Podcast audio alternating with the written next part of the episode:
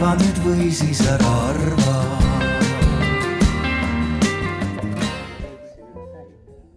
Tere hommikust kõikidele, rõõm on olla jälle Paide Arvamusfestivalil ja me alustame nüüd siin aruteluga, mis räägib ajaloo, ajaloo lõplikkusest. mina olen arutelujuht Rein Olesk, olen ühtlasi Tallinna Ülikooli kommunikatsioonijuht. Ja, ja ma tervitan ka kõiki, kes eh, ei ole siin kohapeal, aga jälgivad meid eh, veebi vahendusel mõne otseülekandena ja ma ütlen tere ka kõikidele, kes meid kuskilt kaugelt tulevikust vaatavad, sest äkki, äkki seda videot vaadatakse ka järelvaatamises.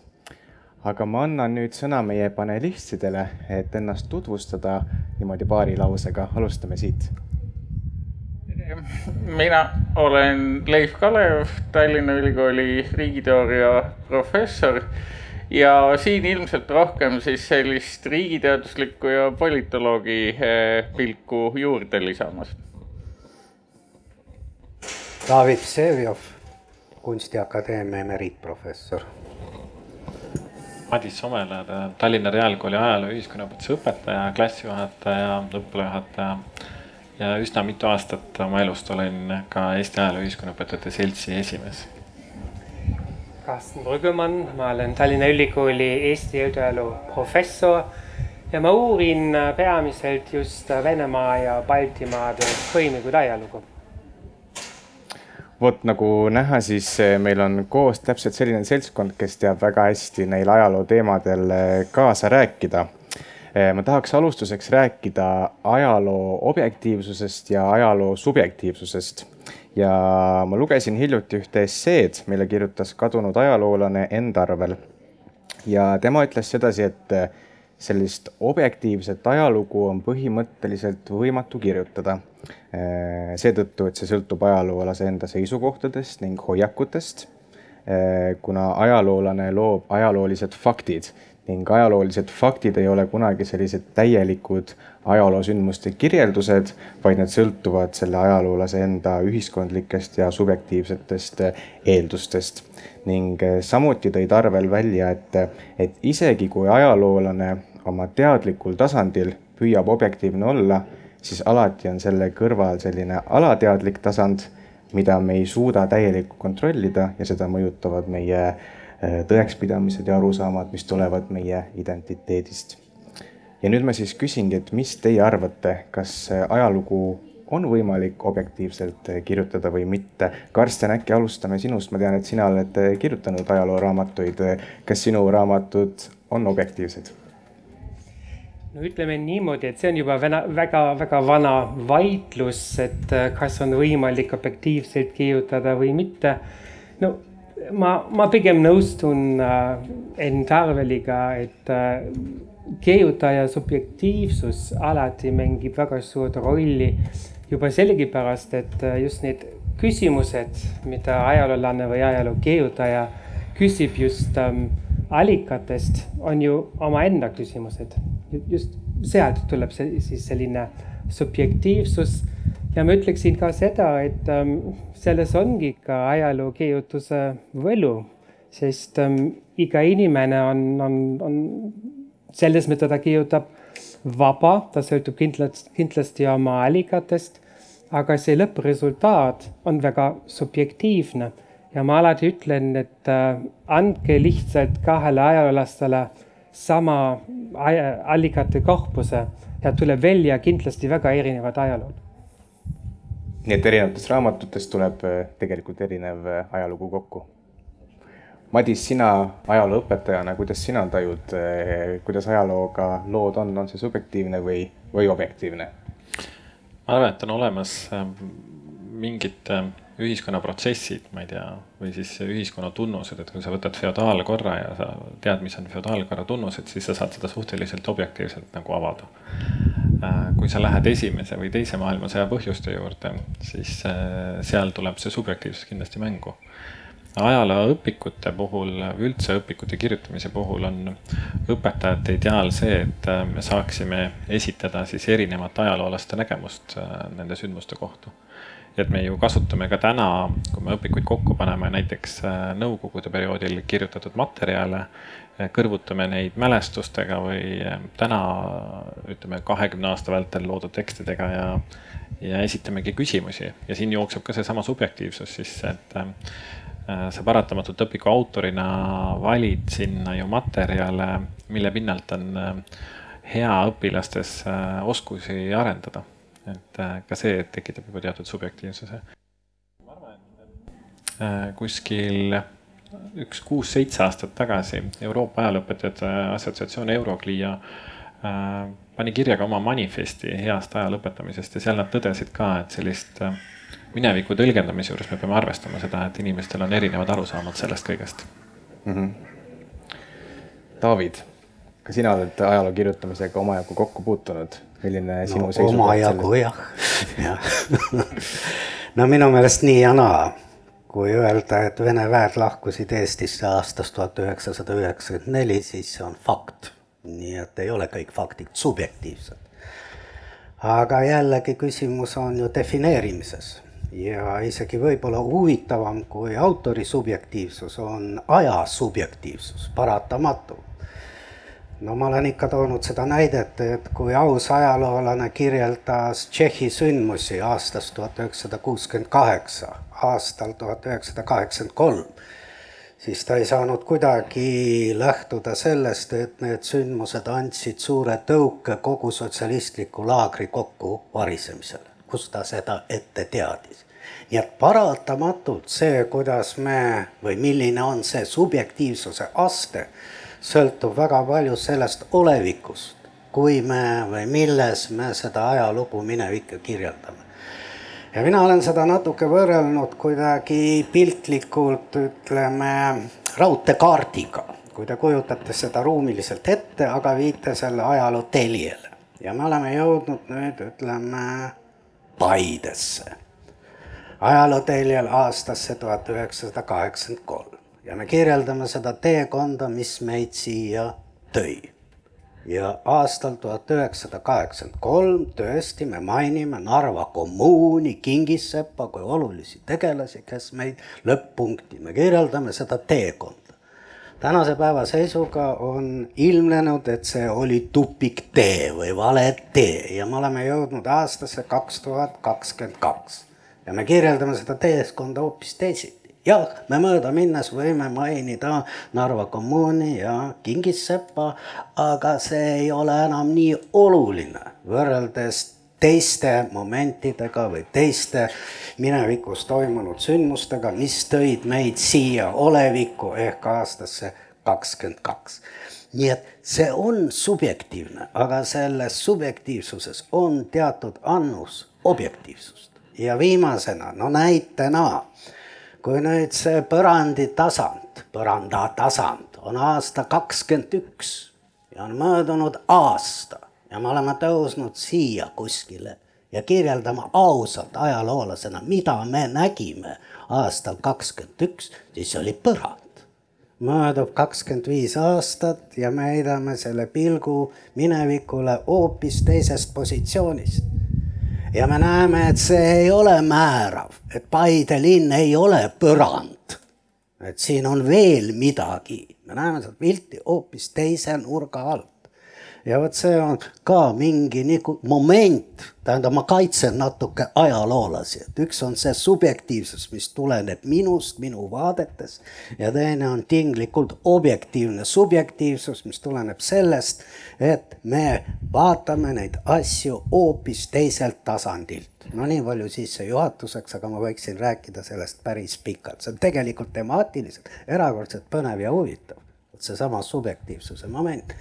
sest kui ta on absoluutselt subjektiivne, öelge mulle palun, kuidas saab kaitsta doktoritöid ajaloo vallas. õigus, kui puuduvad faktid, nagu Tarvel väidab, kui puudub üldse ja kui kõik on absoluutselt subjektiivne no siis kõik, kes me siin saalis oleme või ruumis, tõuseme püsti ja meie omistame teile kõikidele doktorikraadi, sellepärast et mitte mingisuguseid kriteeriumi tegelikult pole olemas vot, aga Leif, kuidas, kuidas sina sellesse küsimusse suhtud?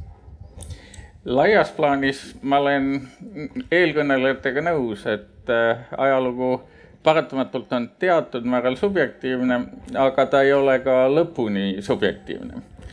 Eh, tegelikult eh, see on midagi, mis iseloomustab valdavat osa sotsiaal- ja humanitaarteadusi.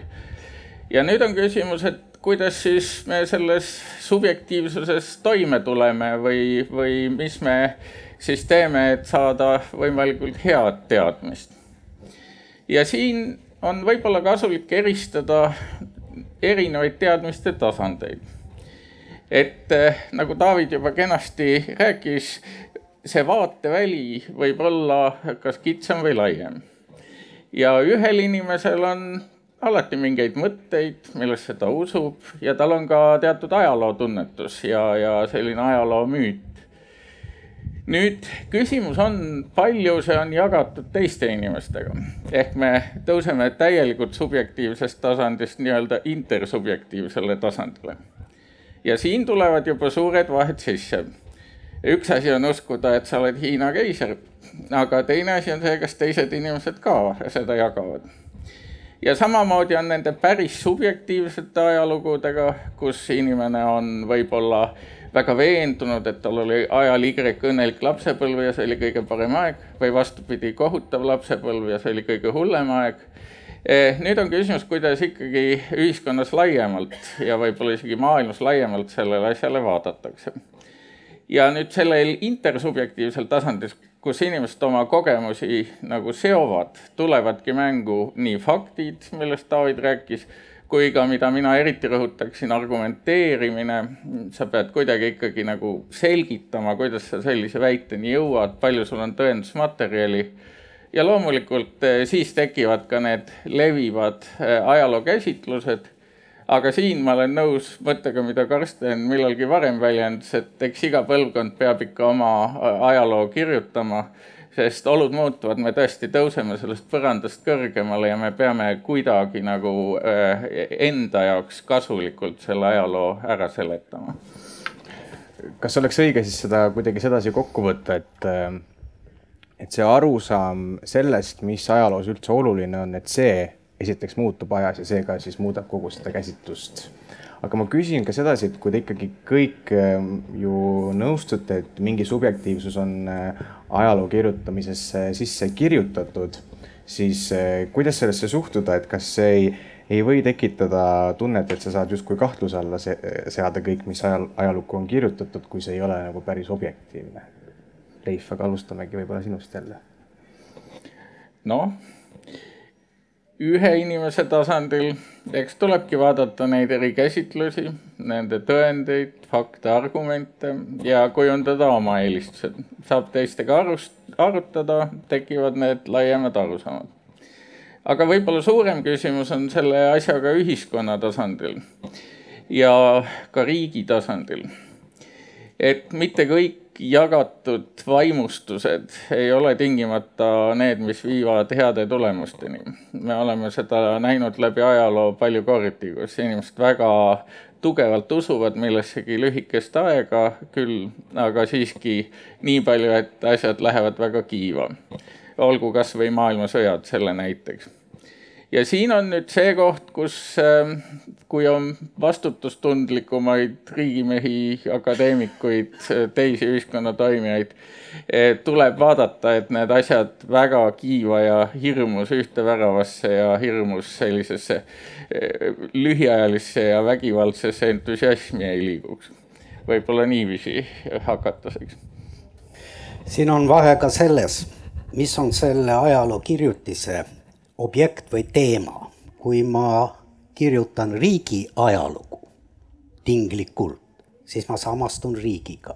ma samastun riigiga, ma valin positsioone, kui ma kirjeldan kas või Eesti, ütleme, rukki kasvatamise ajalugu, mis on ju ka ajalugu, mingi lõik ajaloos, siis seal on see faktor hoopis teistsugune ja ega siin ei ole põhimõtteliselt erinevust, Eesti on väike ja seal on väga palju eeliseid mõistmaks, kuidas toimub ajaloo kirjutamine. võtke mõne tuttava inimese, aga Eestis me enam-vähem tunneme ju kõiki, võtke mõne tuntud inimese eluloo kirjelduse, mis on ju ajaloo kirjutis.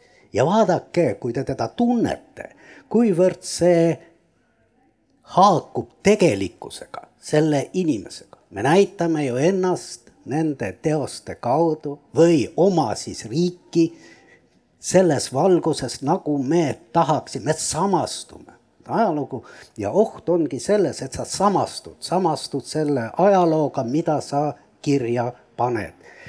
ja samastades ennast me ju tahame näha või peegeldame iseennast alati ikkagi mingis positiivses variandis. me jätame ebamugavad küsimused küll kõrvale. Me Eesti ajaloo käsitluses ei vaatle eriti Judenitši sõjaväe saatust kui nad pärast interneerimist ja rahulepingut ja kellega see rahuleping ikka alla kirjutati, Vladimir Iljitš Leniniga ja nii edasi. no need on teatud mõttes, teatud vaatevinklist ebamugavad küsimused, täpselt nii nagu oma eluloo käsitluses ja me jätame nad lihtsalt kõrvale jah, me nad nagu elimeerime, nad ei ole nii olulised, nii tähtsad. ja vot siit tulevad ka need subjektiivsed paratamatud niisugused momendid, sest me positsioneerime ennast reeglina, kui me kirjeldame kas oma isiklikku minevikku või teeme siis asetades ennast selle riigi konteksti. ma ei räägi veel sellest subjektiivsest momendist, mis tuleb sisse tulenevalt tellijast, õigus, kes seda ajalugu meilt tellib, kes soovib seda ajalugu näha. ja nii edasi, jällegi teema, millest võiks rääkida päris pikalt. Madis, oled sina kunagi mõelnud sedasi, et eh, kas saab kuidagi kahtluse alla seada seda, mis õpikutes kirjutatakse just selle subjektiivsuse tõttu? võib-olla toon paar näidet, eh, mida ma kogesin siin eelmisel aastal, et eh, Riigikantselei eestvedamisel toimus Eesti iseseisvuse taastamise kolmekümnenda aastapäeva tähistamine. ja siis kasvõi selle sõnakasutuse juures, et kas toimus taasiseseisvumine või iseseisvuse taastamine, oli rõhutatud just see, et ikkagi peame kasutama iseseisvuse taastamine, sellepärast et see iseseisvus taastati, et see on midagi sellist, mis lihtsalt niisama juhtus. ja nende sündmuste raames, kus me seda meenutasime, toimusid erinevad vestlusringid väga palju veebis ja täna pigem gümnaasiumiastmes kasutatavad õpikud on äh, kirjutatud äh, kaheksakümnendate aastate Eesti ajaloolaste poolt, kes olid pigem sellise rahvusliku suuna esindajad, rõhutasid juriidilist järjepidevuse printsiipi.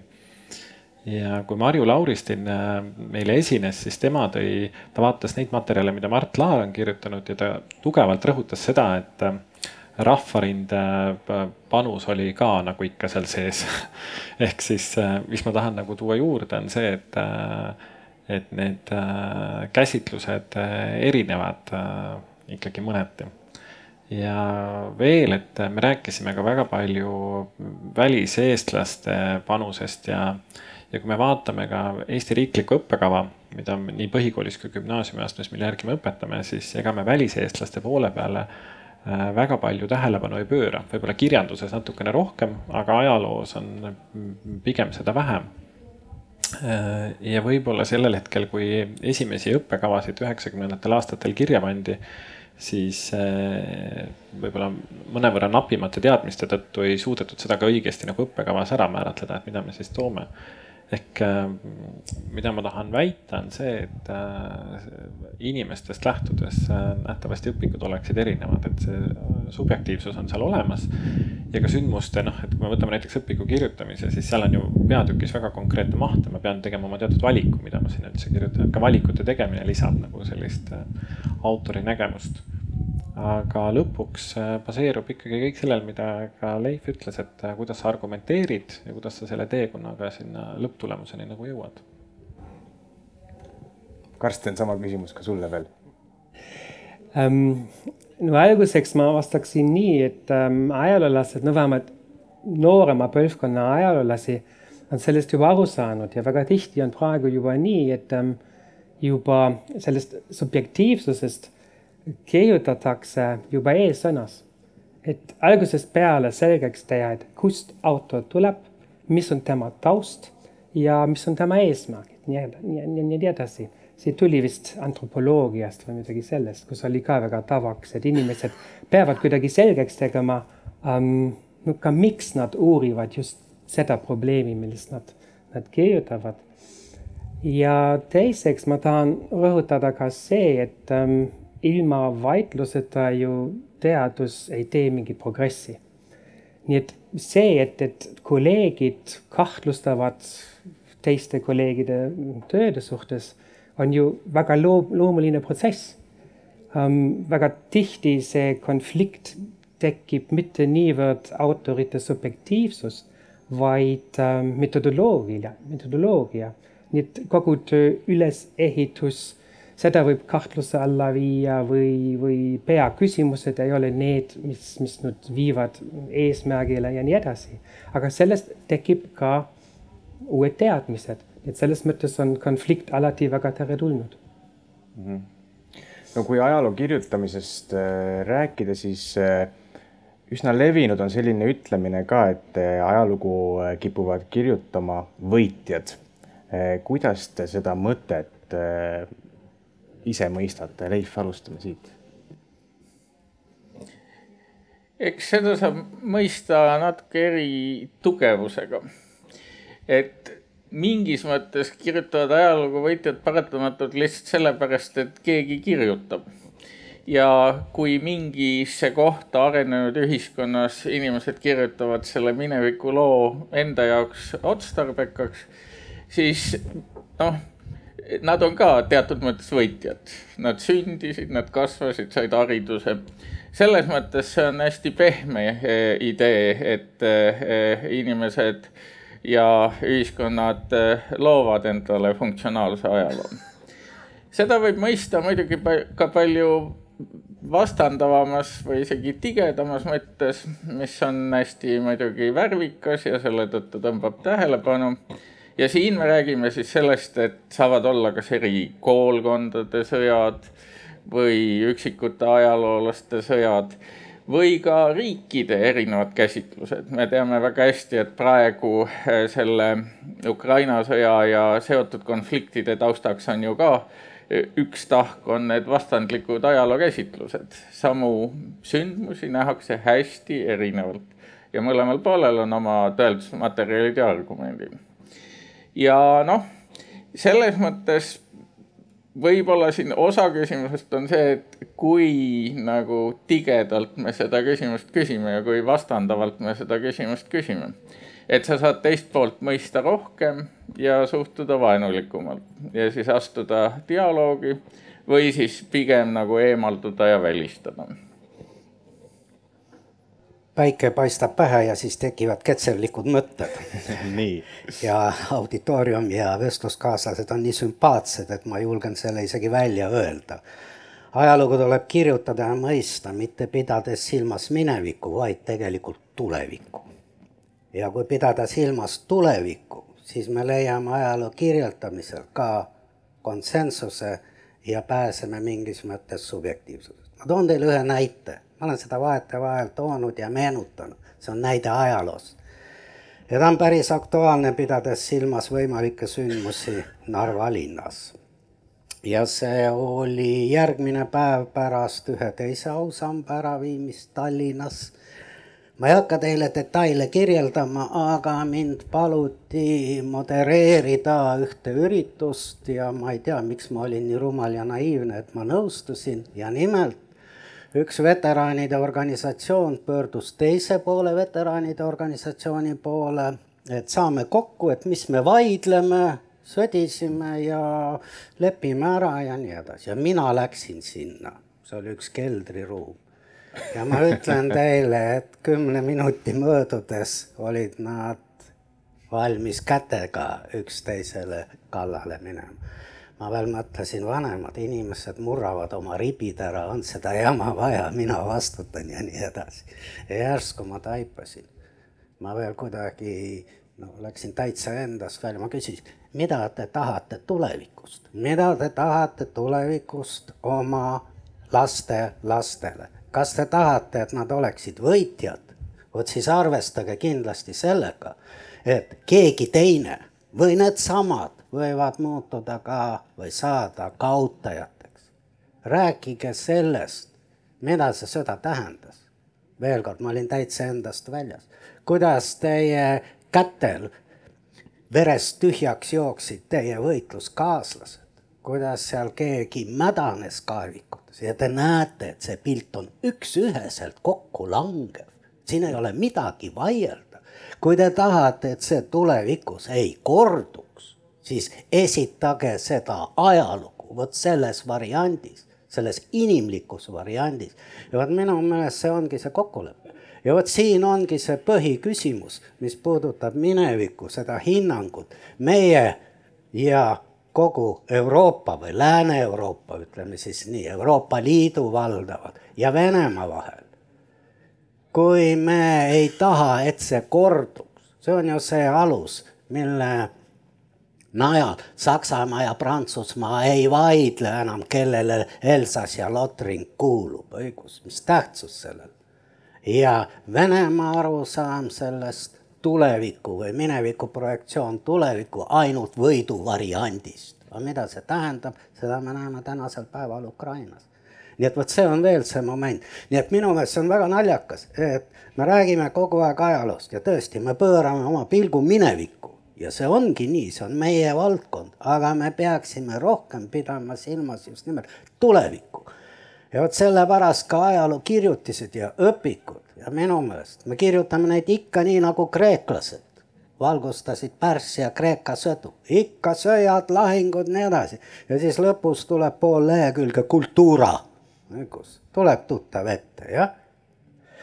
Ja mul on lõpetuseks, ma enam pikalt ei hakka rääkima, viimane niisugune pikk monoloog. Ja ma hea meelega käin vahetevahel kohtumas kooliõpetajatega ja eelistan, ärgem pahandage, eelistan vene koolide õpetajad, erakordselt sümpaatsed inimesed, erakordselt. ja me räägime ja me arutleme ja kõik noogutavad, viisakad inimesed, kuidas siis teisiti ja kuskil ma saan aru, et mida nad varem õpetasid, varem nad õpetasid Borodino lahingud ja Stalingradi lahingud. no kujutage ette, jah. ja mida nad nüüd õpetavad samas mahus. Ümera lahingud ja Võnnu lahingud.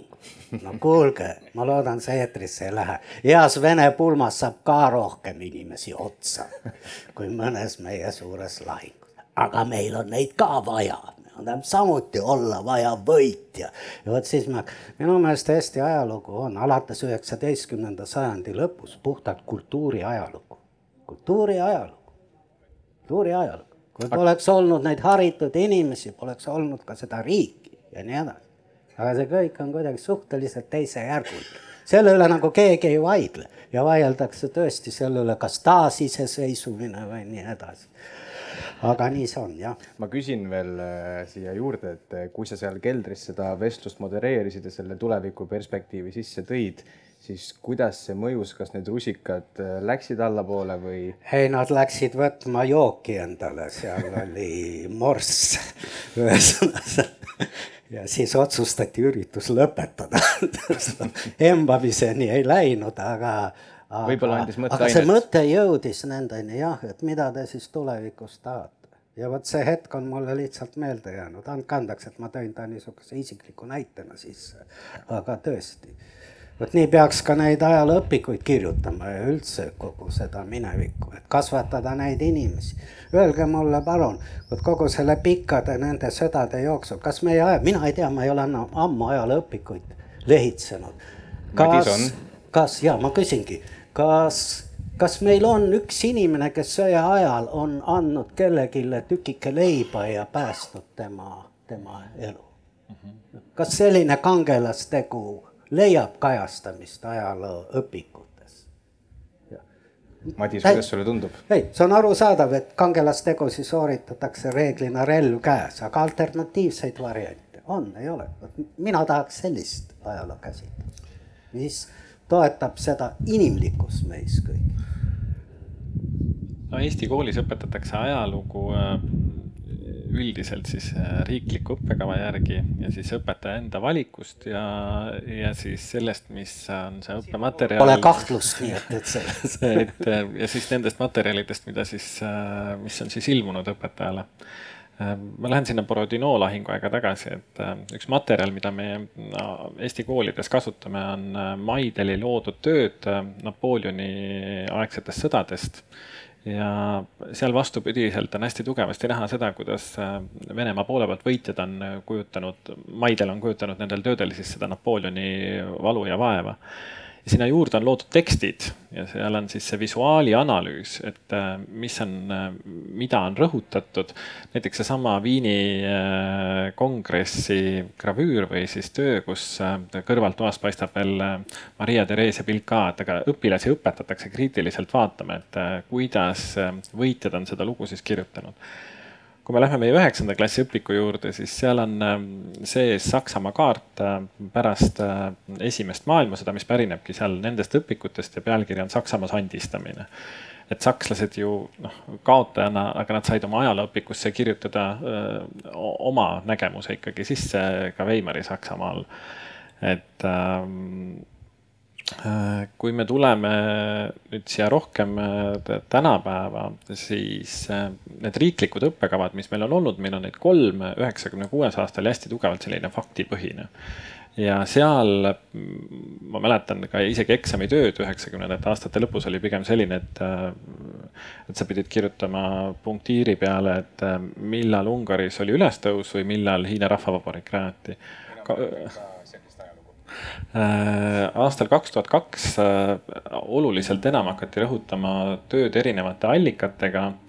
ja aastal kaks tuhat üksteist äh, toodi seda, mida David ka enne rõhutas, seda kultuuri poolt oluliselt rohkem sisse ja täna me püüame tuua tasakaalu niimoodi, et me räägime, ma ei tea, Louis neljateistkümnenda aegsetest sõdadest, aga ka Prantsuse absolutismist. noh, David on käinud ise ühel korral meil teaduspäeval esinemas, kus ta ka tõi selle absolutismi näite sinna sisse, et, et seda kultuuri me oleme rõhutanud oluliselt äh, enam. aga äh, ajaloo õpetamise muutus äh, eriti sinna kultuuri poole vaatamine hästi tugevalt eeldab ähm, õppematerjalide, heade õppematerjalide olemasolu ja õpetajate täiendkoolitust. ja milles me oleme nagu Eesti mastaabis üsna tugevad olnud, on see, et äh, kahe tuhande kolmeteistkümnendal aastal Eesti Ajaloo Ühiskonnaõpetajate Seltsi liikmed äh, tegid sellise suure Eesti kultuuriloo õppematerjali kogumiku, kus on kaetud äh, Eesti suuremad linnad äh, ja kõik maakonnad. ja ajalooõpetajad istusid koos sellest piirkonnast maha ja ise valisid need objektid välja ja siis erinevate autorite loomingu pinnalt kirjutasid kokku teabetekstid ja tegid sinna juurde ka need ülesanded ja just paar päeva tagasi lõppes Eesti Ajaloo Ühiskonnaõpetajate Seltsi suvekool Saaremaal, kus seda piirkondlikku kultuuri äh, õpetatakse nagu õpetajate rohkem õpitatakse, õpitakse tundma ja läbi selle jõuab see kooli, aga see on hästi vaevaline protsess. Äh, meil on natuke mure selles, et äh, vene õppekeelega koolide õpetajad osalevad nendel seltsiüritustel nagu vähem, et ja ma ei oska sajaprotsendiliselt öelda, et kas selle Ümera lahingu ja Võnnu kõrval, kui palju nad seda Eesti kultuurilugu sinna juurde toovad et võib-olla selle Narva mõistmisel ka, et mis oli Narva nagu enne neljakümne neljandat aastat või siis üldse kolmekümnendatel aastatel. vot, et äh, kui ma peaks kuidagi üldistama, siis ma arvan, et äh, võitjatele on mõju, äh, aga sõltub jällegi ajastust, kus siis seda uuesti üle vaadatakse, aga rõhutaksin kindlasti seda, et et tänases Eesti koolis me oleme oluliselt rohkem pööramas tähelepanu kultuurile või kultuuriloole Karsten, kuidas sina mõtled sellest võitjate ajaloost? no mina, mina tooksin alguseks kindlasti Saksamaa näide pärast äh, teist maailmasõda. mõlemad Saksamaad kirjutasid ju väga tugevasti ka oma versiooni sellest kaotusest. ja nende versioonide sees oli kindlasti väga palju vasturääkivusi, aga sama lugu oli ju ka võitjate laagris, eks ju Nõukogude Liit kirjutas oma ajalugu ähm, selle isamaasõjast ja lääne ähm, liitlasriigid äh, tegid seda samuti ja hoopis vastupidine ähm, narratiiviga ähm,. selle, selle võitjate ajaloo taga on ju ka selline küsimus, et ähm, mis on ajaloolase ülesanne, eks ju. Kas ähm, ajaloolane selgitab siis kes on võitja ja kes on kaotaja või kas ta on pigem no, kohtuniku ähm, rollis või, või mitte. ja minu meelest on selline noh, professionaalse arusaam tugevasti muutunud ähm, viimaste aastakümnetel ähm,. ma alati räägin oma esmaskurslastele mingi lugu, lugu sellest, et ähm, kujutage ette, meie ajalooline fakt on ähm, kokkupöörde, autode kokkupöörde tänaval. ja pealtvaatajatel, osalejatel on oma versiooni sellest, mis on juhtunud. ja siis tuleb politseinik. politseinik kirjutab protokolli. ja mingi lahendust ei, ei leitakse selles protsessis. kõik läheb kohtusse ja siis tuleb kohtunik, teeb mingi otsuse. Ja siis mina küsin alati tudengite käest, et kus te näete nüüd ajaloolase rolli kes ta on? politseinik, kohtunik või hoopis midagi muud? ja minu vastus on loomulikult selline, et ähm, ajaloolase roll, ajaloolase ülesanne on selles, et ta peab just selgitama, miks selles, sellel ajal, selles ühiskondlikus tingimustes politseinik käitus nii, nagu ta käitus ja miks kohtunik tegi seda otsuse, mida ta teinud on? Nii et ajaloolane ei saa olla mineviku olla min,, mineviku ähm, suhtes kohtunik olla, ta peab selgitama ja hoopis loomulikult oma ajastu sõnavaraga.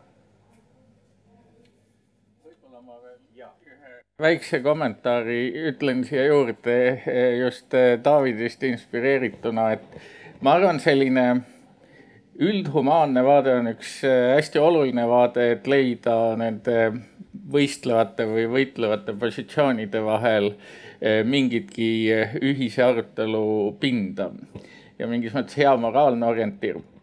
aga ma tooksin juurde selle nii-öelda sõdade ja kunsti vahele ka ühiskonnakorralduspraktikat et äh, Eestis me kipume rääkima füüsikutest, lüürikutest ja unustame ära sealt vahelt niisuguse sotsiaalteadusliku juhtimisliku kihi. et tegelikult on väga oluline osa ajaloost ka see, et äh, kuidas siis inimesed oma ühiseid asju on hästi korraldanud ja selles ebaõnnestunud ja see ei pea olema ainult teineteise tulistamine või siis äh, nagu väga pehmed ja, ja äh, võib-olla äh, kõigile meelepärast tegevused, ka raskeid tegevusi saab äh, paremini korraldada ja kehvemini. ja siin see rahvusliku ärkamise aja näide on üks hea näide, kuidas Eestis äh, suhteliselt vähese haridusega äh, alamrahvas suutis nagu organiseeruda ja kasvada äh, täiemõõtmeliseks äh, rahvaks ja rahvusriigiks. samamoodi on kindlasti praegusel ajal koht vaadata Euroopa Liitu, mis on toonud ikkagi väga suure äh, rahu ja, ja koostöövõime Euroopasse tal on oma probleemid, aga tal on suur positiivne mõju just sellises igavamas korraldusrubriigis. nii et võib-olla selline väike märkus siia juurde. ma tooksin ka veel siia vestlusesse nii-öelda kaks dimensiooni juurde, et äh, üks on see, et mina olen õppinud ajalugu koolis ainult äh, nii-öelda vabas riigis, ma ei tea, mida tähendab õppida ajalugu mingisuguse sellise režiimi all nii et mulle tundub, et see ajalugu, millest meile räägitakse, on ikkagi Eesti suhtes nagu küllaltki objektiivne. aga näiteks üks Eesti päritolu Taani ajaloolane äh, Vello Helk äh, kirjutas üksteist aastat tagasi sedasi, et, et ehkki Eesti iseseisvus üheksakümne esimesel aastal, siis meil on ikkagi jätkuvalt palju neid ajalookirjutajaid kes räägivad sellest sovjeti ajast kuidagi sellises nostalgilisest kastmes ja, ja noh, pehmendavad nii-öelda seda olukorda. ja ta ütles ka seda, et, et ta loodab, et tulevikus läheb see olukord paremaks. nüüd me selle tema kirjutuse mõttes oleme tulevikus, üksteist aastat on mööda läinud. kuidas teile tundub, on meil jätkuvalt palju neid kirjutajaid, kes räägivad sovjeti ajast niimoodi nostalgilises ja pehmemas kastmes. Karsten, äkki alustame sinust? no mul on hoopis teine arusaam sellest. sest mulle tundub, et ähm, just ajaloolased räägivad väga palju just ähm, stalinismist, sovjetiseerimisest ja nad presenteerivad mingi, mingi lugu, mis on pigem selle riigi vägivalla ähm, lugu. Aga millest me tänase päevani eriti palju veel ei tea, on just Nõukogude aja argielu, kuidas inimesed elasid sellel ajal? Um,. ja jällegi mingi näide Saksa ajaloost, sest ma olen saksa, sakslane. Ja ma tegelesin hiljuti natuke Ida-Saksa GDR, no DDR-i ajalooga. Ja samamoodi sa võid lugeda um, raamatu, mis räägib ainult Stasist, diktatuurist um,, survest ja nii edasi. kaotatakse silmadest lihtsalt seda, et väga paljud inimesed, väga, väga palju inimesi sellel ajal seda üldse ei, ei puudutanud, nad oskasid elada mm, ilma selle surveta.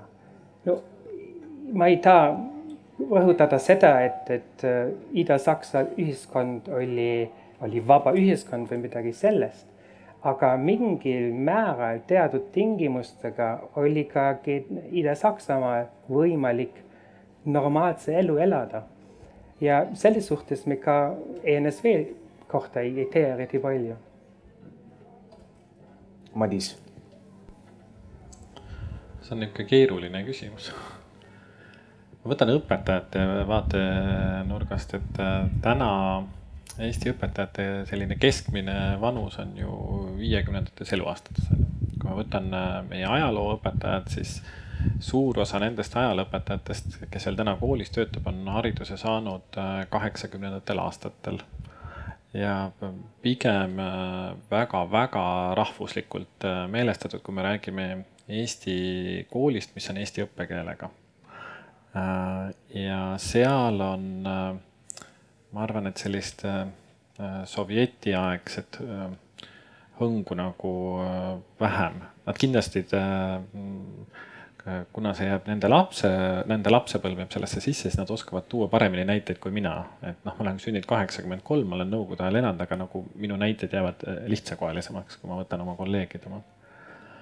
Ähm, ma arvan noh, ma nägin seda muret ka Eesti Ajaloo Ühiskonnaõpetajate Seltsi esimehena, et äh, vene õppekeelega koolides on erinevus sees, aga seda ei saa üldistada. et ähm, on väga tublisid äh, vene kodukeelega õpetajaid, kes väga hästi oskavad käsitleda Eesti lugu ka.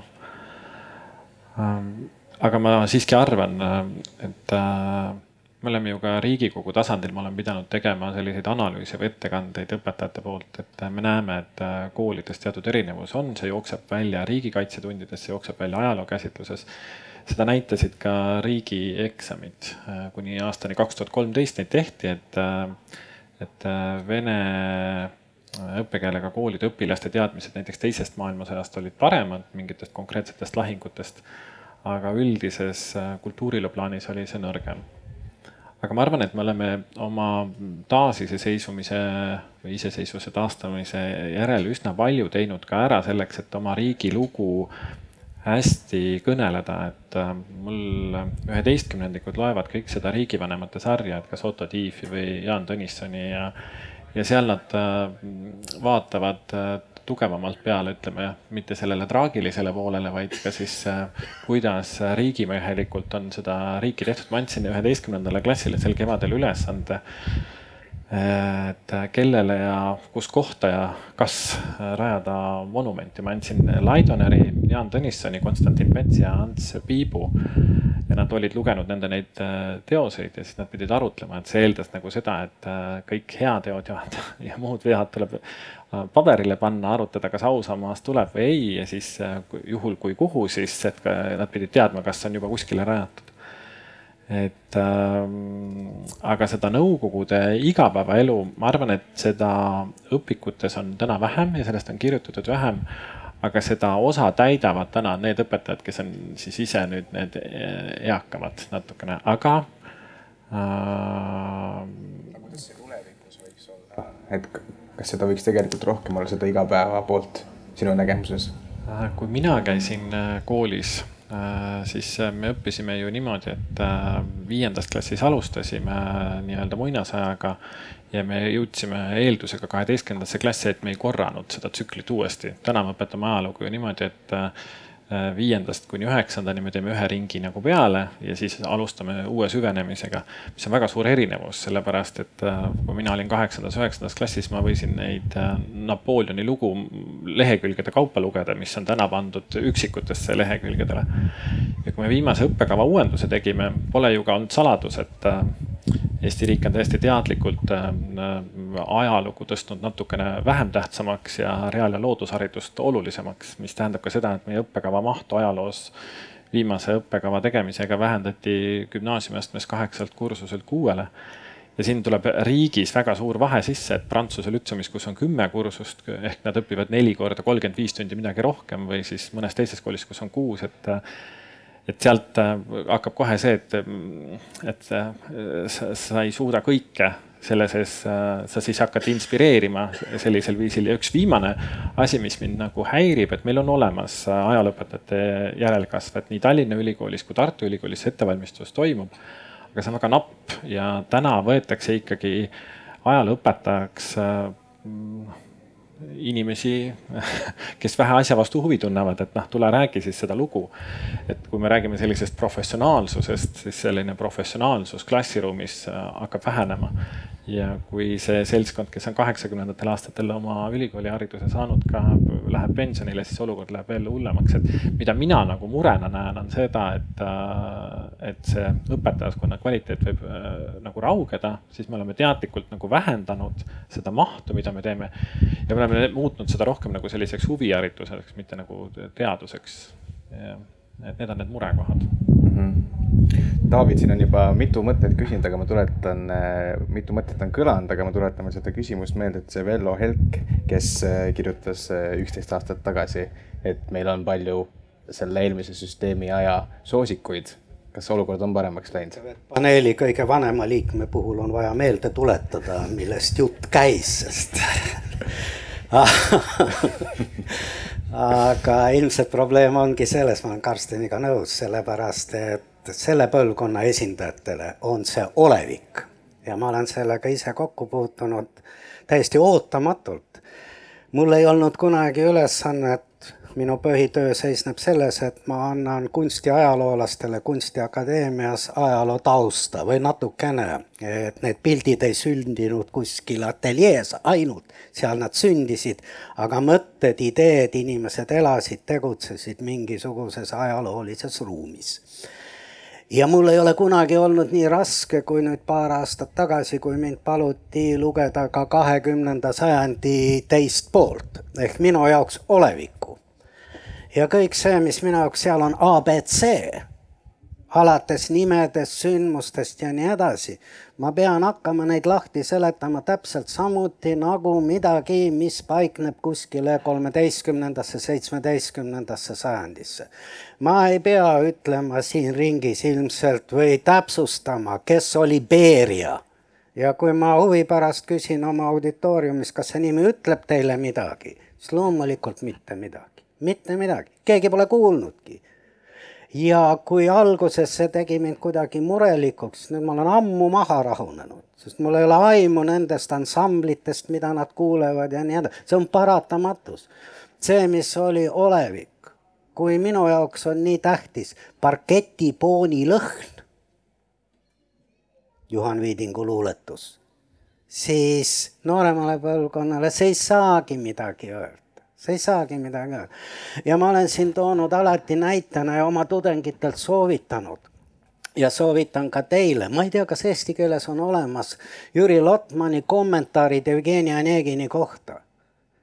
vist kaheksakümne kolmandal aastal ilmunud raamat. Ja miks just ajaloolastele, see on nii huvitav ei ole peaaegu mitte ühtegi lõiku Jevgeni Oneginis, mis ei vajaks kuskil sada kakskümmend aastat hiljem Lotmani poolt lahti seletamist, mida see tol ajal tähendas.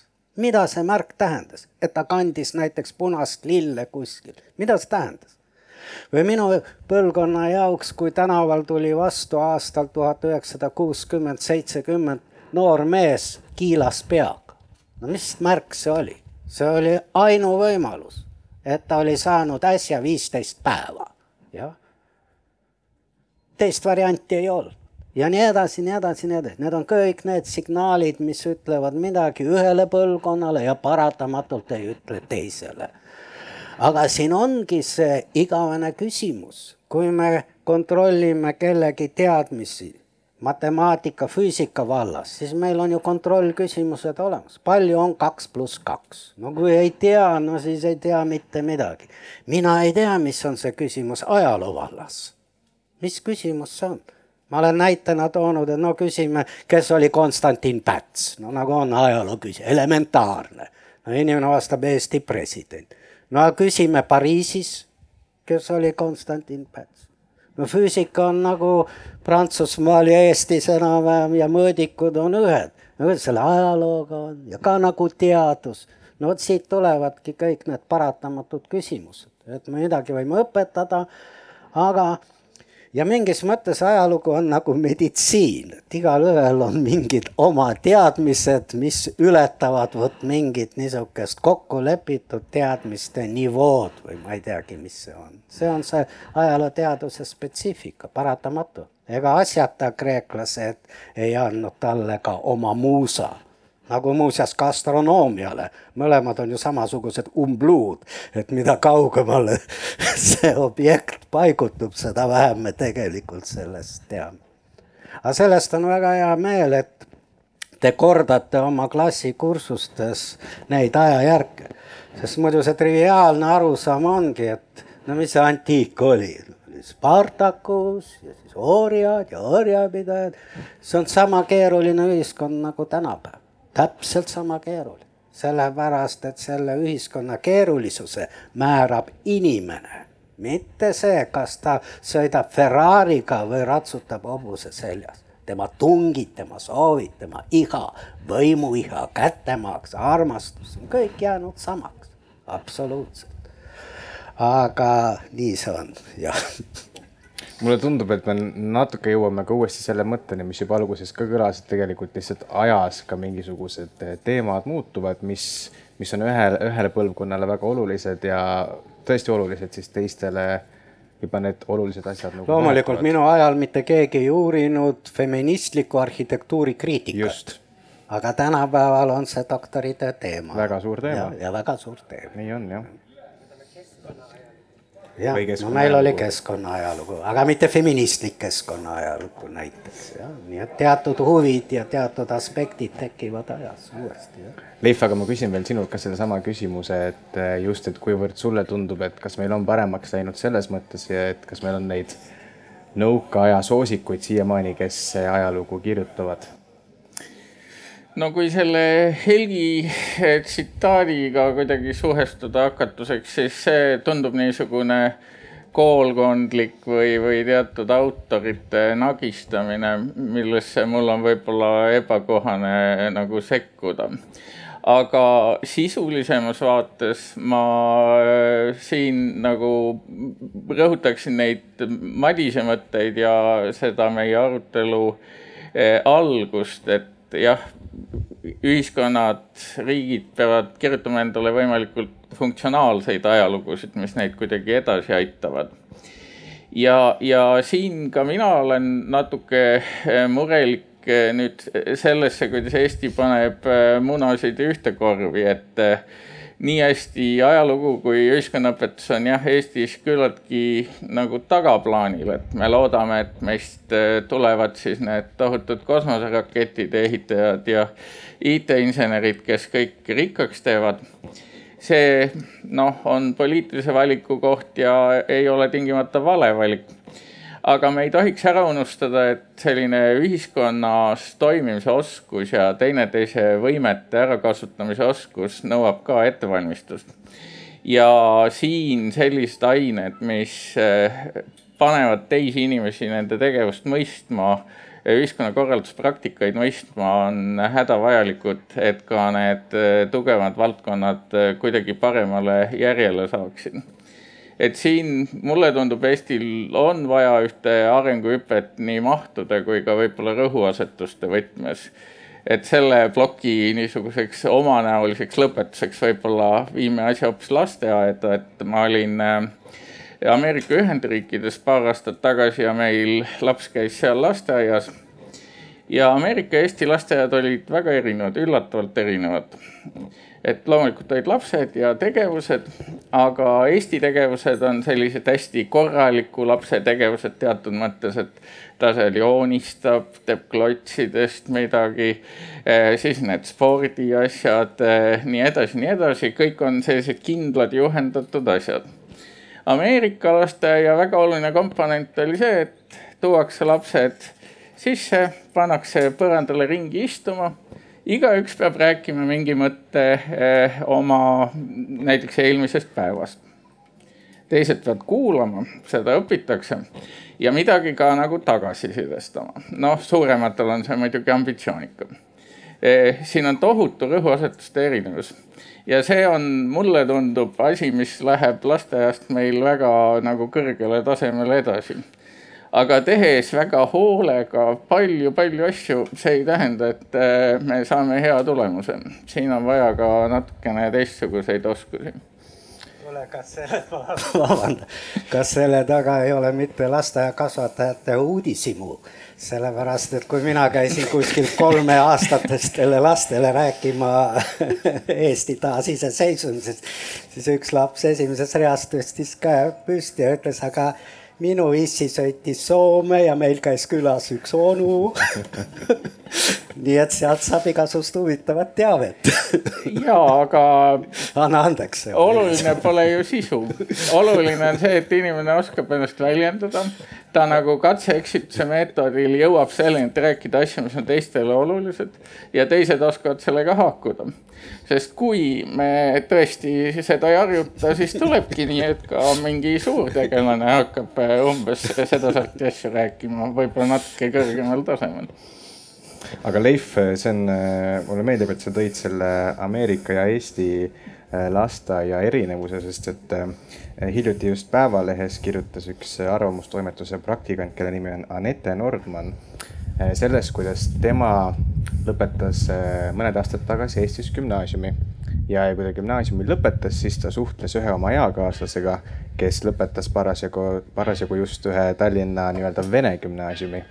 ja nad eh, vestlesid omavahel nõukaajast ja Anette oli siis väga üllatunud, et nende arusaam nõukaajast oli väga erinev, sest et too eakaaslane tõi just välja, et et miks küll eestlased räägivad okupatsiooniajast, et, et siin oli väga rikkalik aeg, siin käidi puhkamas ja siin olid eh, kõik vabadused.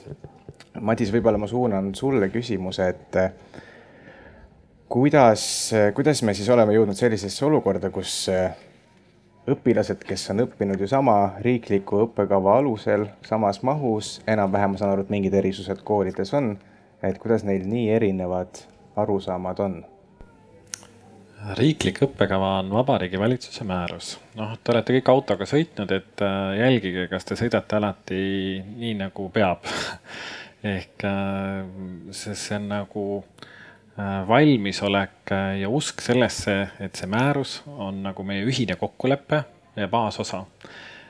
kui riiklik õppekava on Eestis tehtud, siis tavaliselt äh, õpetajate erinevad ühendused, olgu see siis Eesti Matemaatika Selts või Füüsikute Ühendus või ajalooõpetajate ühendus, on alati olnud õppekava tegemisel kaasas, aga seal on alati ka nagu selline kandev seltskond, kes on äh, äh, seda nagu teinud. Mis tähendab seda, et kui sa oled inimene, kes on jäänud õppekava tegemisest kõrvale, kui sa ei suhtu väga suure lugupidamisega sellesse ühisesse kokkuleppesse, mis sinna määrusesse on kirjutatud siis sisuliselt täna ju mitte mingisugust äh, suurt ülevaadet, mida sa seal klassiruumis kõneled, ei ole. ja kui ma lähen ja kõnelen ja, ja ma kannan edasi seda mõtet, äh, mida toetavad ka kodud, siis, siis sa saadki seda luua.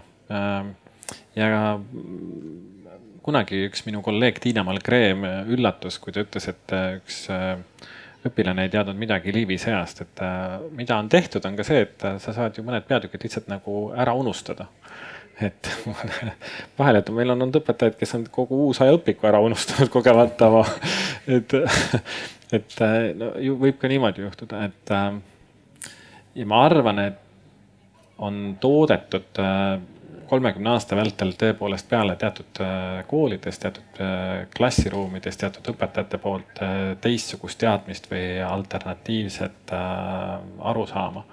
ma olen reaalkoolis alati pooldanud seda, et me võtaksime vastu ka vene kodukeelega õpilasi ja no üks huvitav koht, kus ma olen neid saanud nagu suunata või kasvatada või lisaks uurida, et äh, kui nad äh, said vabalt valitud ettekannet teha, siis nad hakkasid ikkagi Koltšakust rääkima või siis valisid kedagi Vene ajaloost aga kui meil tulevad äh, külalised välisriikidest, siis äh, Tallinna Reaalkooli lugu ju jutustab hästi tugevasti Eesti lugu ja ma saan alati panna neid poisi ajalugu rääkima, et siis kui nad, äh, Reali poiss on see skulptuur seal kõrval siis, et mis on Vabadussõjale pühendatud, et mis tähendab seda, et nad on, kui nad tahavad olla väga head esinejad, siis nad peavad olema süvitsi läinud sinna sisse, nad peavad oskama külalistele vastata nendele küsimustele ja see on olnud viis, kuidas ma olen saanud neid inspireerida seda ajalugu nagu teistmoodi ka veel õppima, lisaks veel juurde.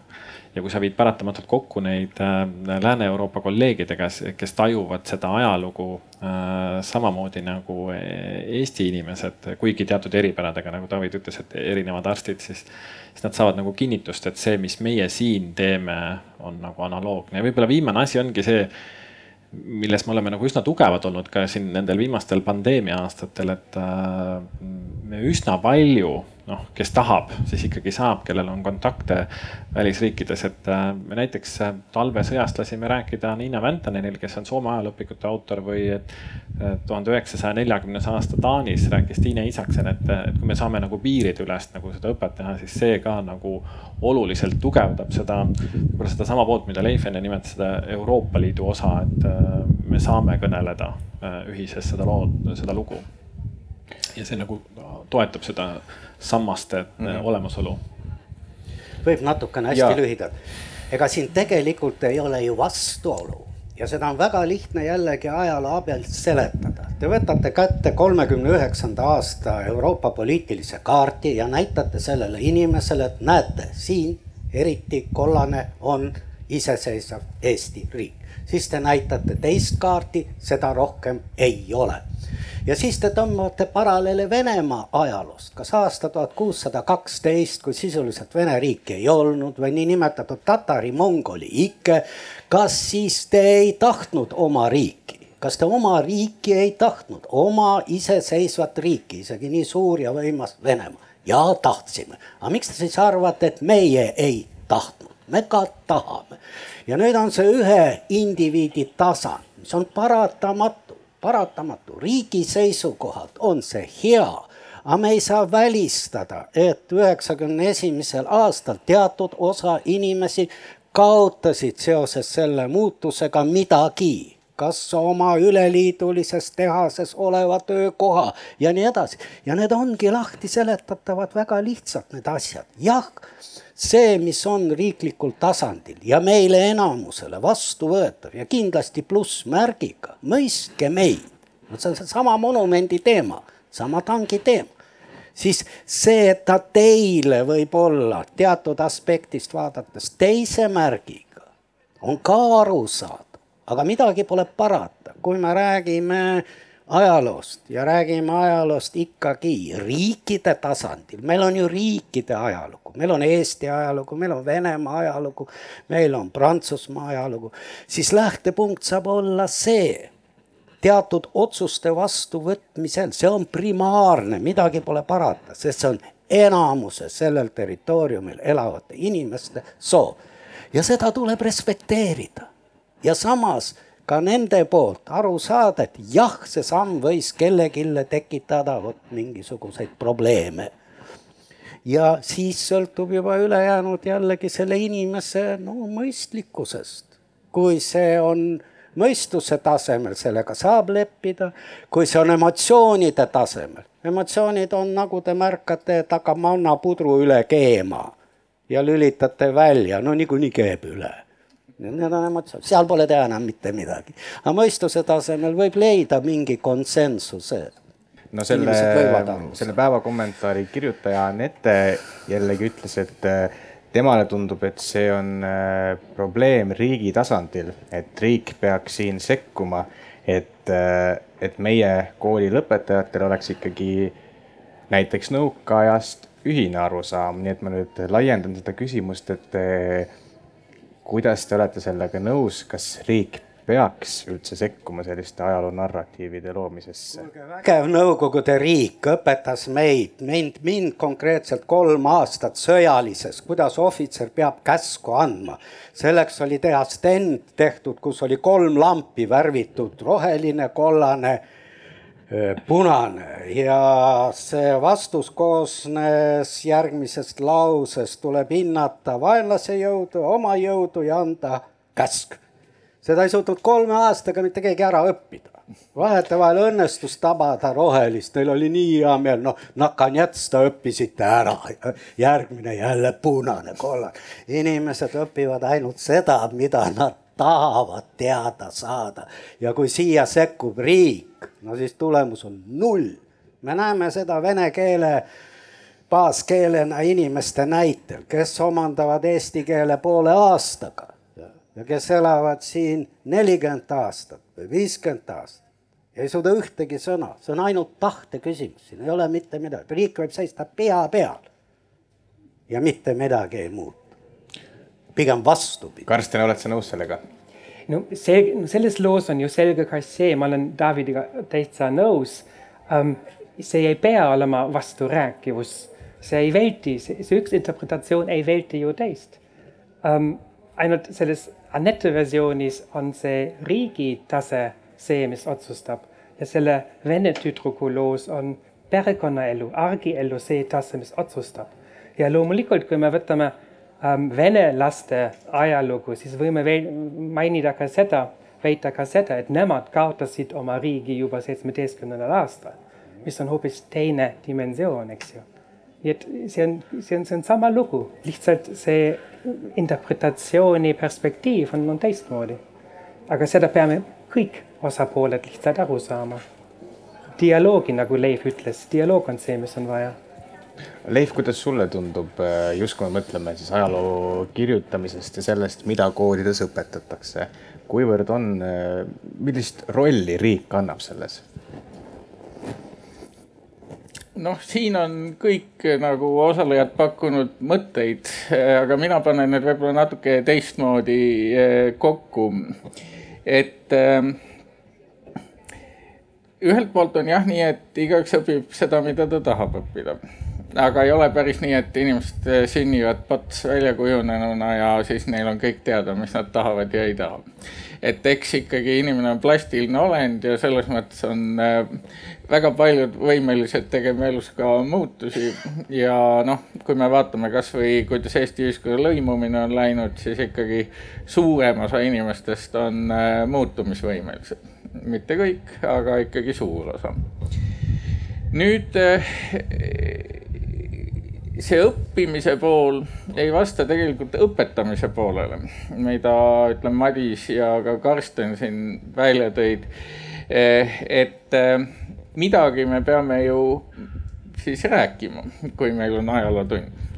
võib muidugi loota, et eh, ajalooõpetaja puhtalt nagu kunstnik maalib pildi, mis pilti ta parajasti tahab, kes räägib jääajast ja kes räägib kahekümnendast sajandist aga eh, ma siin jällegi tuleksin sellisest täieliku subjektiivsuse tasandist nüüd ikkagi selle intersubjektiivsuse või isikute vahelisuse tasandile. et me peame tõesti leidma äh, nagu ajalooõpetuse sihukese raamid või liinid, mis on meile kuidagi kasulikud. ja see õppekava on teatud mõttes, ma arvan, selleks ka hea raam. Eh, ta jätab päris suure vabaduse õpetajale ma ei tea küll, kas see on ainult kavandatud või see on ka juhtunud nii.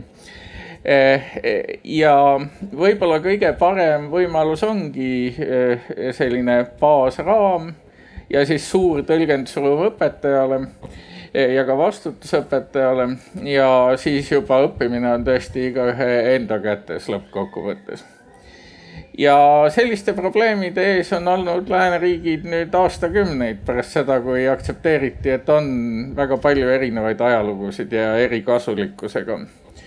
ja on ka proovitud teha selliseid nagu miinimumõppekavasid või, või põhiraamistikke, põhitemaatikaid, mis tuleb ära katta. ja selle lisaks võib siis teha hästi erinevaid asju ja ka kuidas katta jääb väga palju siis õpetaja või õpilase töö keskseks et mulle tundub, selline kesktee on meie praeguse aja jaoks, mis on selline arvamuste rohke, aga siiski vajab ka koostööd, võib-olla optimaalne. okei okay,, ma muidugi ei tea täpselt, äh, kust selle päeva kommentaari kirjutaja oma mõtetega tuleb, aga ma võin aimata, et äh, küllap äh, nii-öelda tiivustas seda kirjutama natukene ka meie praegune julgeolekuolukord ja kuidas, kuidas siis see kõik võib mõjutada meie julgeolekut, kui meil on niivõrd erinevad äh, narratiivid ajaloos. et kas ka selle julgeoleku aspekti, kui me toome sisse, kas ka siis see riigi sekkumine, kuidas ta siis võiks olla? siis ma muutun politoloogina ettevaatlikumaks, ma pean ütlema et põrgutee on sillutatud heade kavatsustega ja hoolega kellegi vastu võitlemine igasuguste vahenditega teeb sind samasuguseks nii et liiga palju Putini vastasust võib meid teha Putini sarnasteks. et siin ma olen pigem jah, Davidiga ühte meelt, et väga hoolega peab vaatama, et selline riiklik propaganda ei läheks tigedaks, inimesi üleskütvaks, silmaringi ahendavaks, eh, mis lõpeb alati eh, kurbade lugudega selles või teises vormis nende samade inimeste jaoks. aga meil on siin ikkagi ka päris palju pealtvaatajaid, nii et ma hea meelega viskan ka selle küsimuse eh, siit lava pealt eh, inimeste poole ka, et kuidas teile tundub, kuivõrd peaks või võiks riik, riigi tasandil sekkuda sellesse, millest ajalootundides räägitakse? võite käega märku anda, kellel on mõtteid ja siis teile tuuakse mikrofon. sinna tuleb mikrofon viia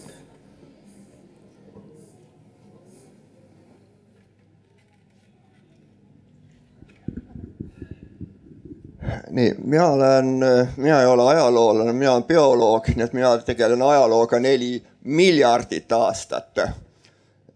aga noh, ikkagi see on ka ajalugu. ja, ja selle eesmärk on samamoodi ette näha, mis tuleb. aga nüüd, nüüd mul tekkis noh, niimoodi väikene eellugu, see mõttekäik juba sellele, et, et selle küsimusele, mis siin nüüd lõpus kõlas, ma ju ise jõudsin sama asjani välja selle küsimuseni, aga eellugu on nüüd see, et mm, kas vihmaussil on ajalugu?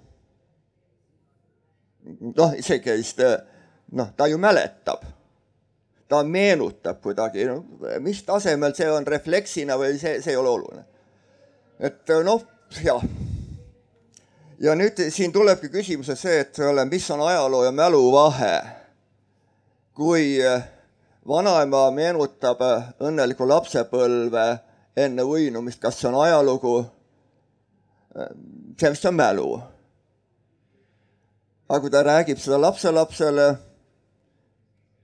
see on vist mälu projitseerumine tulevikku ja kui nüüd minna veel edasi, kui lapselaps räägib seda, mida vanaema rääkis edasi, siis on seesama asi, täpselt samad sõnad on ajalugu võib-olla noh, mingi selline, selline eh, taust on nüüd. nüüd ajaloo omamine on inimesel minu meelest ülimalt oluline asi, selline reflektoorne asi, see on see, mida, eh, mille poolest inimene teistest loomadest erineb, et ta, tal on peale mälu ka veel see sotsiaalne mälu ehk ajalugu ja, ja kui siin nüüd vaadata selle peale, eks ole, et inimene enda ajaloost tahab teada saada siis needsamad katseklaasis viljastatud lapsed, nemad tahavad teada saada oma spermadoonoreid, eks ole, otsime neid taga, tal on sihuke tung on olemas, seesama isiklik ajalugu kuidagi siin maailmas paika panna, kes ma olen. ja siis ta saab aru, mis minust saab ka, no see. nüüd, nii et ja siit tuleb siis minu meelest seesama asi, eks ole, et see, et see inimese subjektiivne isiklik ajalugu, see on see, millega ajalooteadus ähm, nagu väga ei tegele see on inimestel kõigil olemas, nagu erandid on alati, aga ta on olemas ja ta, inimene nagu elab seda, noh, vajab seda ülimat eluks. ja nüüd tuleb siia juurde riiklik ajalugu, mis on olemuselt minu arust nagu natukene selle isikliku instinktiivse isikliku ajaloo va vajaduse kuritarvitamine. vahel ta ei ole, aga mida, mida sellisem autoritaarsem on võim, seda enam seda kuritarvitamist vist on.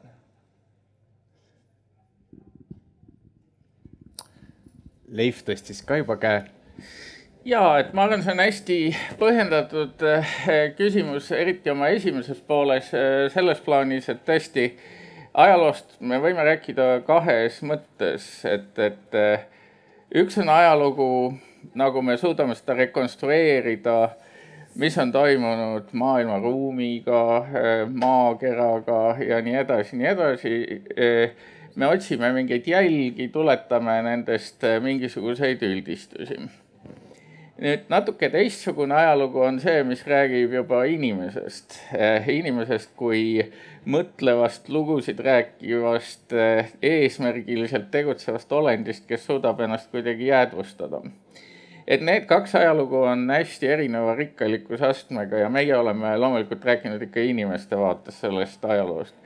nüüd see lai vaade, faktiline vaade on kindlasti oluline ja teatud määral aitab meid reaalsusesse paremini ankurdada. Ta võib-olla vastab natukene teistsugustele küsimustele. et me saame teada teatud tasemelt mingid asjad olid aga me ei saa teada, kuidas neid kavandati, kas nad tulid välja, kas äh, see oli nii-öelda edulugu, ebaedulugu, mis meil on sellest õppida, nii edasi, nii edasi, just inimlike kavatsuste ja oskuste plaanis. ja siit loomulikult äh, tõesti tuleb ka sild äh, selle nii-öelda riikliku propaganda juurde ja siin ei ole ühest vastust, siin on see tasakaalutunnetuse vajadus, nagu ma rääkisin, et ilmselt meil on vaja mingeid ühisraame ja ma arvan, et ka riigil on õigus nagu eeldada ikkagi oma liikmetelt nagu teatud kaasatöötamist või pühendumist sellele riigile aga demokraatlikus ja vabas riigis peab jääma päris suur ruum inimestele ikkagi ise oma elu kujundada ja ka arvamusi välja arendada, ka vastupidiseid arvamusi. lihtsalt peab olema tõesti see teljestik, millel rääkida, võib-olla midagi niisugust. paar lauset, mis haakuvad teie jutuga ja viivad meid nagu algusesse tagasi et mida saab endale ajaloolane lubada, kui ta kirjutab mingi teksti, ma toon teile konkreetse näite ja etteheited, mida teevad tõsised vene ajaloolased Radzinskile, see nimi peaks olema tuttav, tema mitmed raamatud, Trotski, Stalin ja nii edasi, on tõlgitud eesti keelde. väga populaarsed, tõlgitud kümnetesse keelde, tohutute tiraažidega. mida teeb Radzinski? see on fakt Molotov külastas Stalinit kahekümnendal augustil kolmekümne üheksandal aastal ja on olemas dokumentaalselt kinnitus, et ta viibis Stalini juures kaks tundi viisteist minutit. mida ajaloolane saab teha?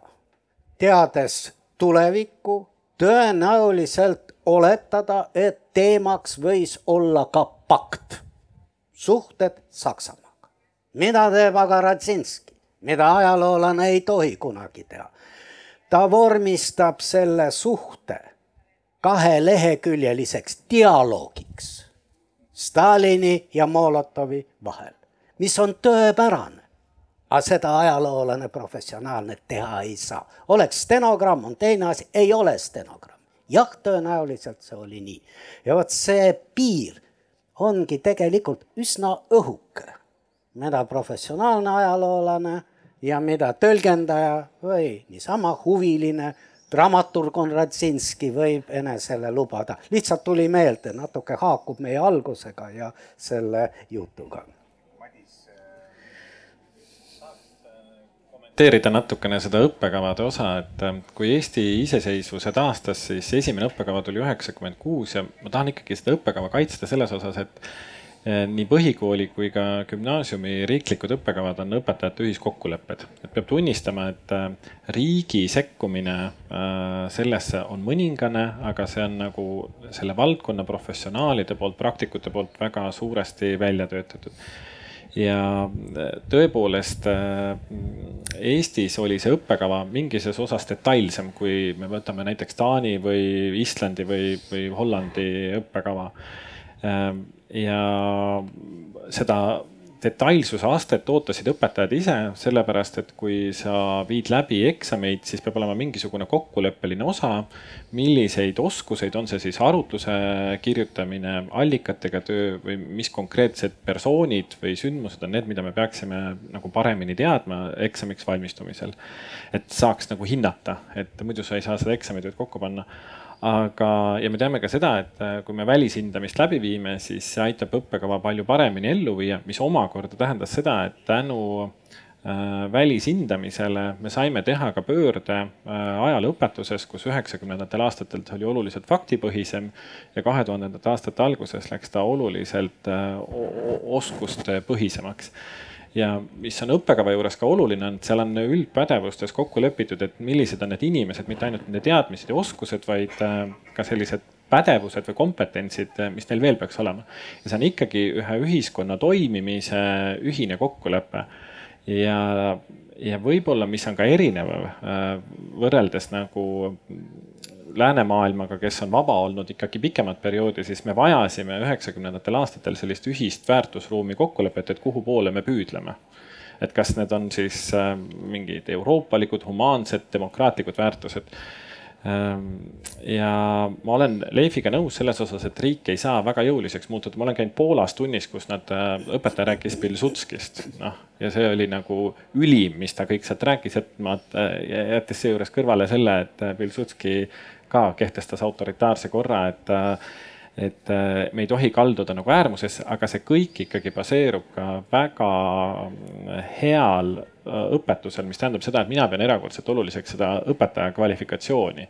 et see ettevalmistus peab olema professionaalne ja siis me saame anda väga suure vabaduse sinna klassiruumi. et kui see ettevalmistus on tagasihoidlik, siis seda enam me vajame seda suunavat äh, dokumenti, mis siis või määrust, mis siis annab nõu sellele inimesele, kes seda õpetust läbi viib, et mis on need oskused ja, ja sellesama Beria osas, et äh, tegelikult meie üheksandas klassis õpilased juba õpivad seda Beriat ja peavad gümnaasiumis uuesti kordama. no ma kontrollin paari aasta pärast, palju nad mäletavad sellest. mida, mis ma tahan nagu öelda, on see, et see ongi nagu selline ühine kokkulepe, et, et, et, et teie saaksite mugavamalt oma tööd ülikoolis teha, siis see ettevalmistus peaks olema nagu see, et oleks see siduv osa, et äh, mina näiteks tajusin seda ühiskonnaõpetuses, ma lõpetasin kaks tuhat üks ja meie gümnaasiumi ühiskonnaõpetus oli pinnapealsem. ja kui ma läksin Tallinna Ülikooli, siis oli väga keeruline, sest õppejõud ootasid meie käest midagi, mida me ei olnud nagu ette valmistanud, et selle õppekava väärtus seisneb ka selles, et et need äh, kooliastmed oleksid äh, seotud. Ja ikkagi me räägime ühtluskoolist ka, et äh, mis on nüüd Tallinna Reaalkoolis üheksanda klassi ajalõpe on samasugune nagu Kääpa põhikoolis Võrumaal või Saaremaal ja Kuressaares kuskil, et see on ka väga oluline väärtus, et me suudame nagu kõneleda ühte keelt ja mõnikord näidake lastele kaarte ka, sest kui mhm. keegi on mulle kaks tundi rääkinud ristisõdadest ja ma palun näidata kaardil, kus Jeruusalemm on, siis seda otsitakse põhjanabal ja kuskil Tšiili all seal, aga nii et, et mm. see ruumiline, mitte ainult ajaline, see on ka väga huvitav mm. jah, vaid see ruumiline teadmine, see ka puudub mm. -hmm. siin saab mõtteid vahetada veel pärastki. jah. kas ma saan veel vastata ähm, sõnavõtule? Sest äh, ma tahaksin tagasi tulla see, teie sõnavõtu abiga ka meie, meie paneeli pealkirjale, kas ajalugu on lõplik. no alati on ju niimoodi, et, et ajaloolased leiavad ka uusi teemasid. Ja näiteks just see küsimus, kas vihmaussidel on ajalugu, on tõstetud praegu ka ajaloolaste seest, sest seoses selle, selle keskkonna ajaloo buumiga ähm, hakkasid ajaloolased huvitama ka selle, selles küsimuses. mis on loomadega, kas, kas loomadel on, on oma ajalugu? nii et ka Eestis tegelevad kolleegid juba selle teemaringiga, aga jällegi see metoodiline probleem, mida David tõstatas, on ju samamoodi olemas, sest nad kahjuks ei saa kirjutada. nii et meil ei ole mingit, mingit allikat, nii et mida ajaloolased võivad uurida, on just seda, kuidas inimesed suhtuvad nendesse aga see on kindlasti mingi uus ja huvitav teemaring, millest me võime siis kümme aastat pärast natuke rohkemat rääkida. metallkonksu leiutamine kindlasti muutis vihmavusside saatust. kindlasti. kindlasti ma, meil on aeg vaikselt juba läbi saamas, aga ma lõpetuseks tahan ka seda küsida, et no et miks neil teemadel üldse on, mulle tundub oluline rääkida, on seetõttu, et minu meelest see, mida näiteks koolis räägitakse ajalootunnis või ka ühiskonnaõpetuse tunnis, kujundab väga palju seda, milliseks selle, milliseks see õpilane kasvab, milline on tema väärtusruum, milline on tema identiteet. Ja seetõttu mulle tundub ka väga oluline just arutleda selle üle, et millised on meie ajaloo narratiivid ja, ja kuidas ja mida meil koolis õpetatakse. ma küsingi lõpetuseks teilt seda, et kuidas teile tundub, kuidas see ajaloo õpetamine inimese identiteeti kujundab ja mis mõju sellel on? Karsten, alustame sinust um,. minu meelest, mis, mis ajaloo, mis ajalugu saab anda, on eeskätt just oskused, oskused orienteeruda um,. ja mis on minu meelest just Eestis praegu väga suur probleem on, on tudengite ähm, kvalifitseerumine. sest mis on, mis on Eesti ajaloo suhtes spetsiifiline? spetsiifiline on just see, et, et kogu see allikate baas ei ole ainult eesti keeles, vaid on ka saksa keeles, on ka vene keeles. nii et, et tõesti orienteeruda just omaenda riigi ajaloos inimesed peaksid tegelikult oskama väga head tasemel just neid ajaloolised keeled. aga see on ka meie no nüüd ülikoolis professionaalide suhtes väga suur probleem, et inimesed, me ei saa enam eeldada seda, et äh, tudengid oskavad just neid keeli. Nii et see on ka selles mõttes väga, väga keeruline ülesanne, kuidas seda organiseerida ka kooliõpetused, et, et inimesed on ette valmistatud selleks, et äh, saada ajaloo no eksperdid, ütleme niimoodi. Madis, kuidas sinule tundub, kuidas see ajalootund näiteks eh, noort inimest kujundab? Kui õpilane asub õppima Tallinna Reaalkoolis eh, esimeses klassis või tuleb seitsmendasse klassi või kümnendasse klassi, siis eh, meil on õppekavas integreeritud reaalika, mis on siis Tallinna Reaalkooli ajalugu või Tallinna Reaalkooli lugu ja meie jaoks on see erakordselt nagu oluline ühe kooli loo mõistmisel, aga eelkõige sellise väärtusruumi tunnetamisel. Ja see minu meelest kannab enam, kui me kanname neid äh, Reali sõrmuseid, vaid just seesama, et me mõistame seda lugu, kui me korraldame vilistlaspäevasid, siis direktori kabinetis on alati koos iga kümne aasta tagant lendude esindused, äh, kes räägivad oma õpetajate lugusid, et äh, see aitab ühelt poolt seda identiteeti väga tugevalt suurendada. ma pean seda oluliseks, ma tean, et Eestis on teisi koole veel, kes niimoodi oma koolide lugusid räägivad siis teine pool, mida mina ajaloo juures nagu erakordselt oluliseks pean, on see, et see on ikkagi selline äh, nii-öelda võõr, minu silmis ka nagu võõrkeel. et äh,, et kui sa tead oma lugu, teed oma naabrite lugusid, kaugemate naabrite lugusid, siis see on alati selline ühendav osa, mille pinnalt sa saad äh, mõista seda või tekib see ühisosa ja, ja teineteisest arusaamine ja viimane asi on, mida ma selles õpetuses ikkagi pean erakordselt oluliseks, on see, et äh, needsamad oskused, mida, mida te nimetasite siin kõrval, et äh, selle universaalse keele sees on ka teatud universaalsed oskused.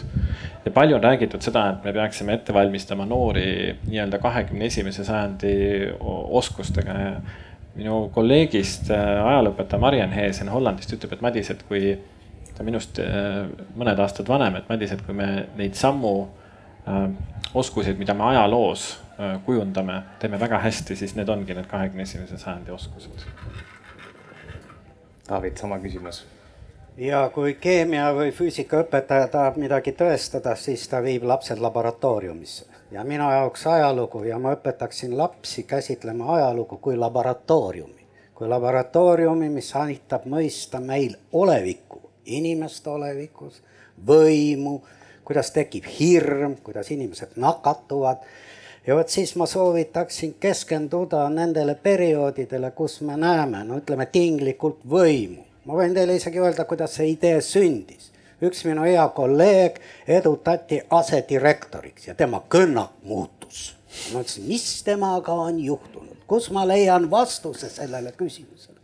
Ja siis ma läksin Rooma keisrite juurde, sest meie kultuuriruumis siin Euroopas on harva olnud perioode, kus üksikinimesel on olnud niivõrd täiuslik võim kui Rooma keisritel. ja siis ma vaatan, mida nad teevad selle võimu mida nad sellega teevad? ma ei hakka teile ütlema, mida nad teevad.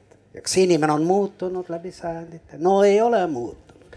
ja vot sealt me leiame vastused või ma märkan meie ühiskonnas Eestis mingisuguseid hirmu esimesi pisikuid. ja siis ma lähen loomulikult kuskil kahekümnendate aastate Venemaale ja vaatan, mis seal juhtus. algne vabadus, Aleksandra Kollontai saadab kõik kuu peale kümne aasta pärast saadikuna Stockholmis, keegi pole ta näppe sahtli vahele vahetanud või valutanud. ta on nakatunud, kuidas see toimib, kuidas need mehhanismid toimivad. ja vot see on, see on väga õige, vot see on see laboratoorium, kust me otsime vastuseid, just nimelt. me veel kord, me keskendume minevikule, see kõik on teisejärguline. meil on seda minevikku vaja selleks, et mõista olevikku ja ka tulevikku tulevikku. Selleks on minu jaoks ajaloo kõige või selles seisneb ajaloo kõige olulisem missioon. kui me piirdume ainult nende lugudega minevikust ja ei püüa sealt kätte saada mingit sõnumit oleviku jaoks ja tuleviku jaoks, siis on see niisugune noh, mõnus tegevus, miks ka mitte, kuidas need kuningad sõid ja nii edasi, erakordsed lõbud.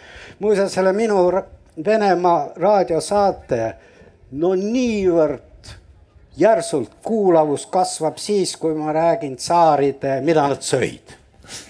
Stalin sõi, kas kotlette nii või kotlette naa, vot see on erakordselt oluline, kõik muu on teisejärguline. tegelikult on vastupidi ja ilmselt no meie ülesanne on seda selgitada. Leif, sama küsimus avastuslikkus ja mõtestamine on kindlasti sellised head, head märksõnad ja ka kasulikkus tänapäeva jaoks. me oleme neid nüüd mitut moodi läbi rääkinud. kui haakuda selle arutelu niisuguse eh, retoorilise avaküsimusega, siis võib-olla veel korra tulla tagasi sellise eh, loodusliku ja inimliku ajaloo erinevuse juurde, et võib-olla ta on lõplik eh, loodusliku ajaloo mõttes selles plaanis, et ükskord saab maa või elu maal otsa, vähemalt see on küllalt levinud arusaam, siis saab ka ajalugu, inimeste ajalugu läbi. aga nüüd inimeste endi jaoks, niikaua kuni me kestame, ajalugu on alati avatud.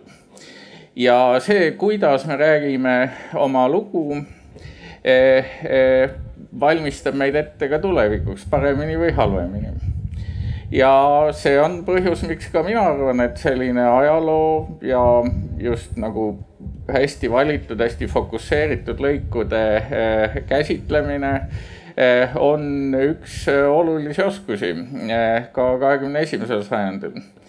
et jällegi selline mõistmine ja, ja võib-olla ka inimlike unistuste, mitte ainult võimaluste, vaid ka piiride nägemine on äh, hästi olulised asjad, mis tõesti ajas väga vähe muutuvad, isegi kui me suudame palju rohkem kaevandada, hävitada ja nii edasi. vot selliseks saigi meie tänane arutelu, võib-olla üks mõte, mida siit kaasa võtta, mis mulle väga meeldis, on see, et et selleks, et nii olevikku kui ka tulevikku mõista, tasub äh, ajalooga tutvust teha. aitäh kõikidele, kes meid kohapeal kuulasid või kes, kes meid video teel jälgivad ja toredat päeva jätku teile. sa käid, sa jätad, on kõike teha.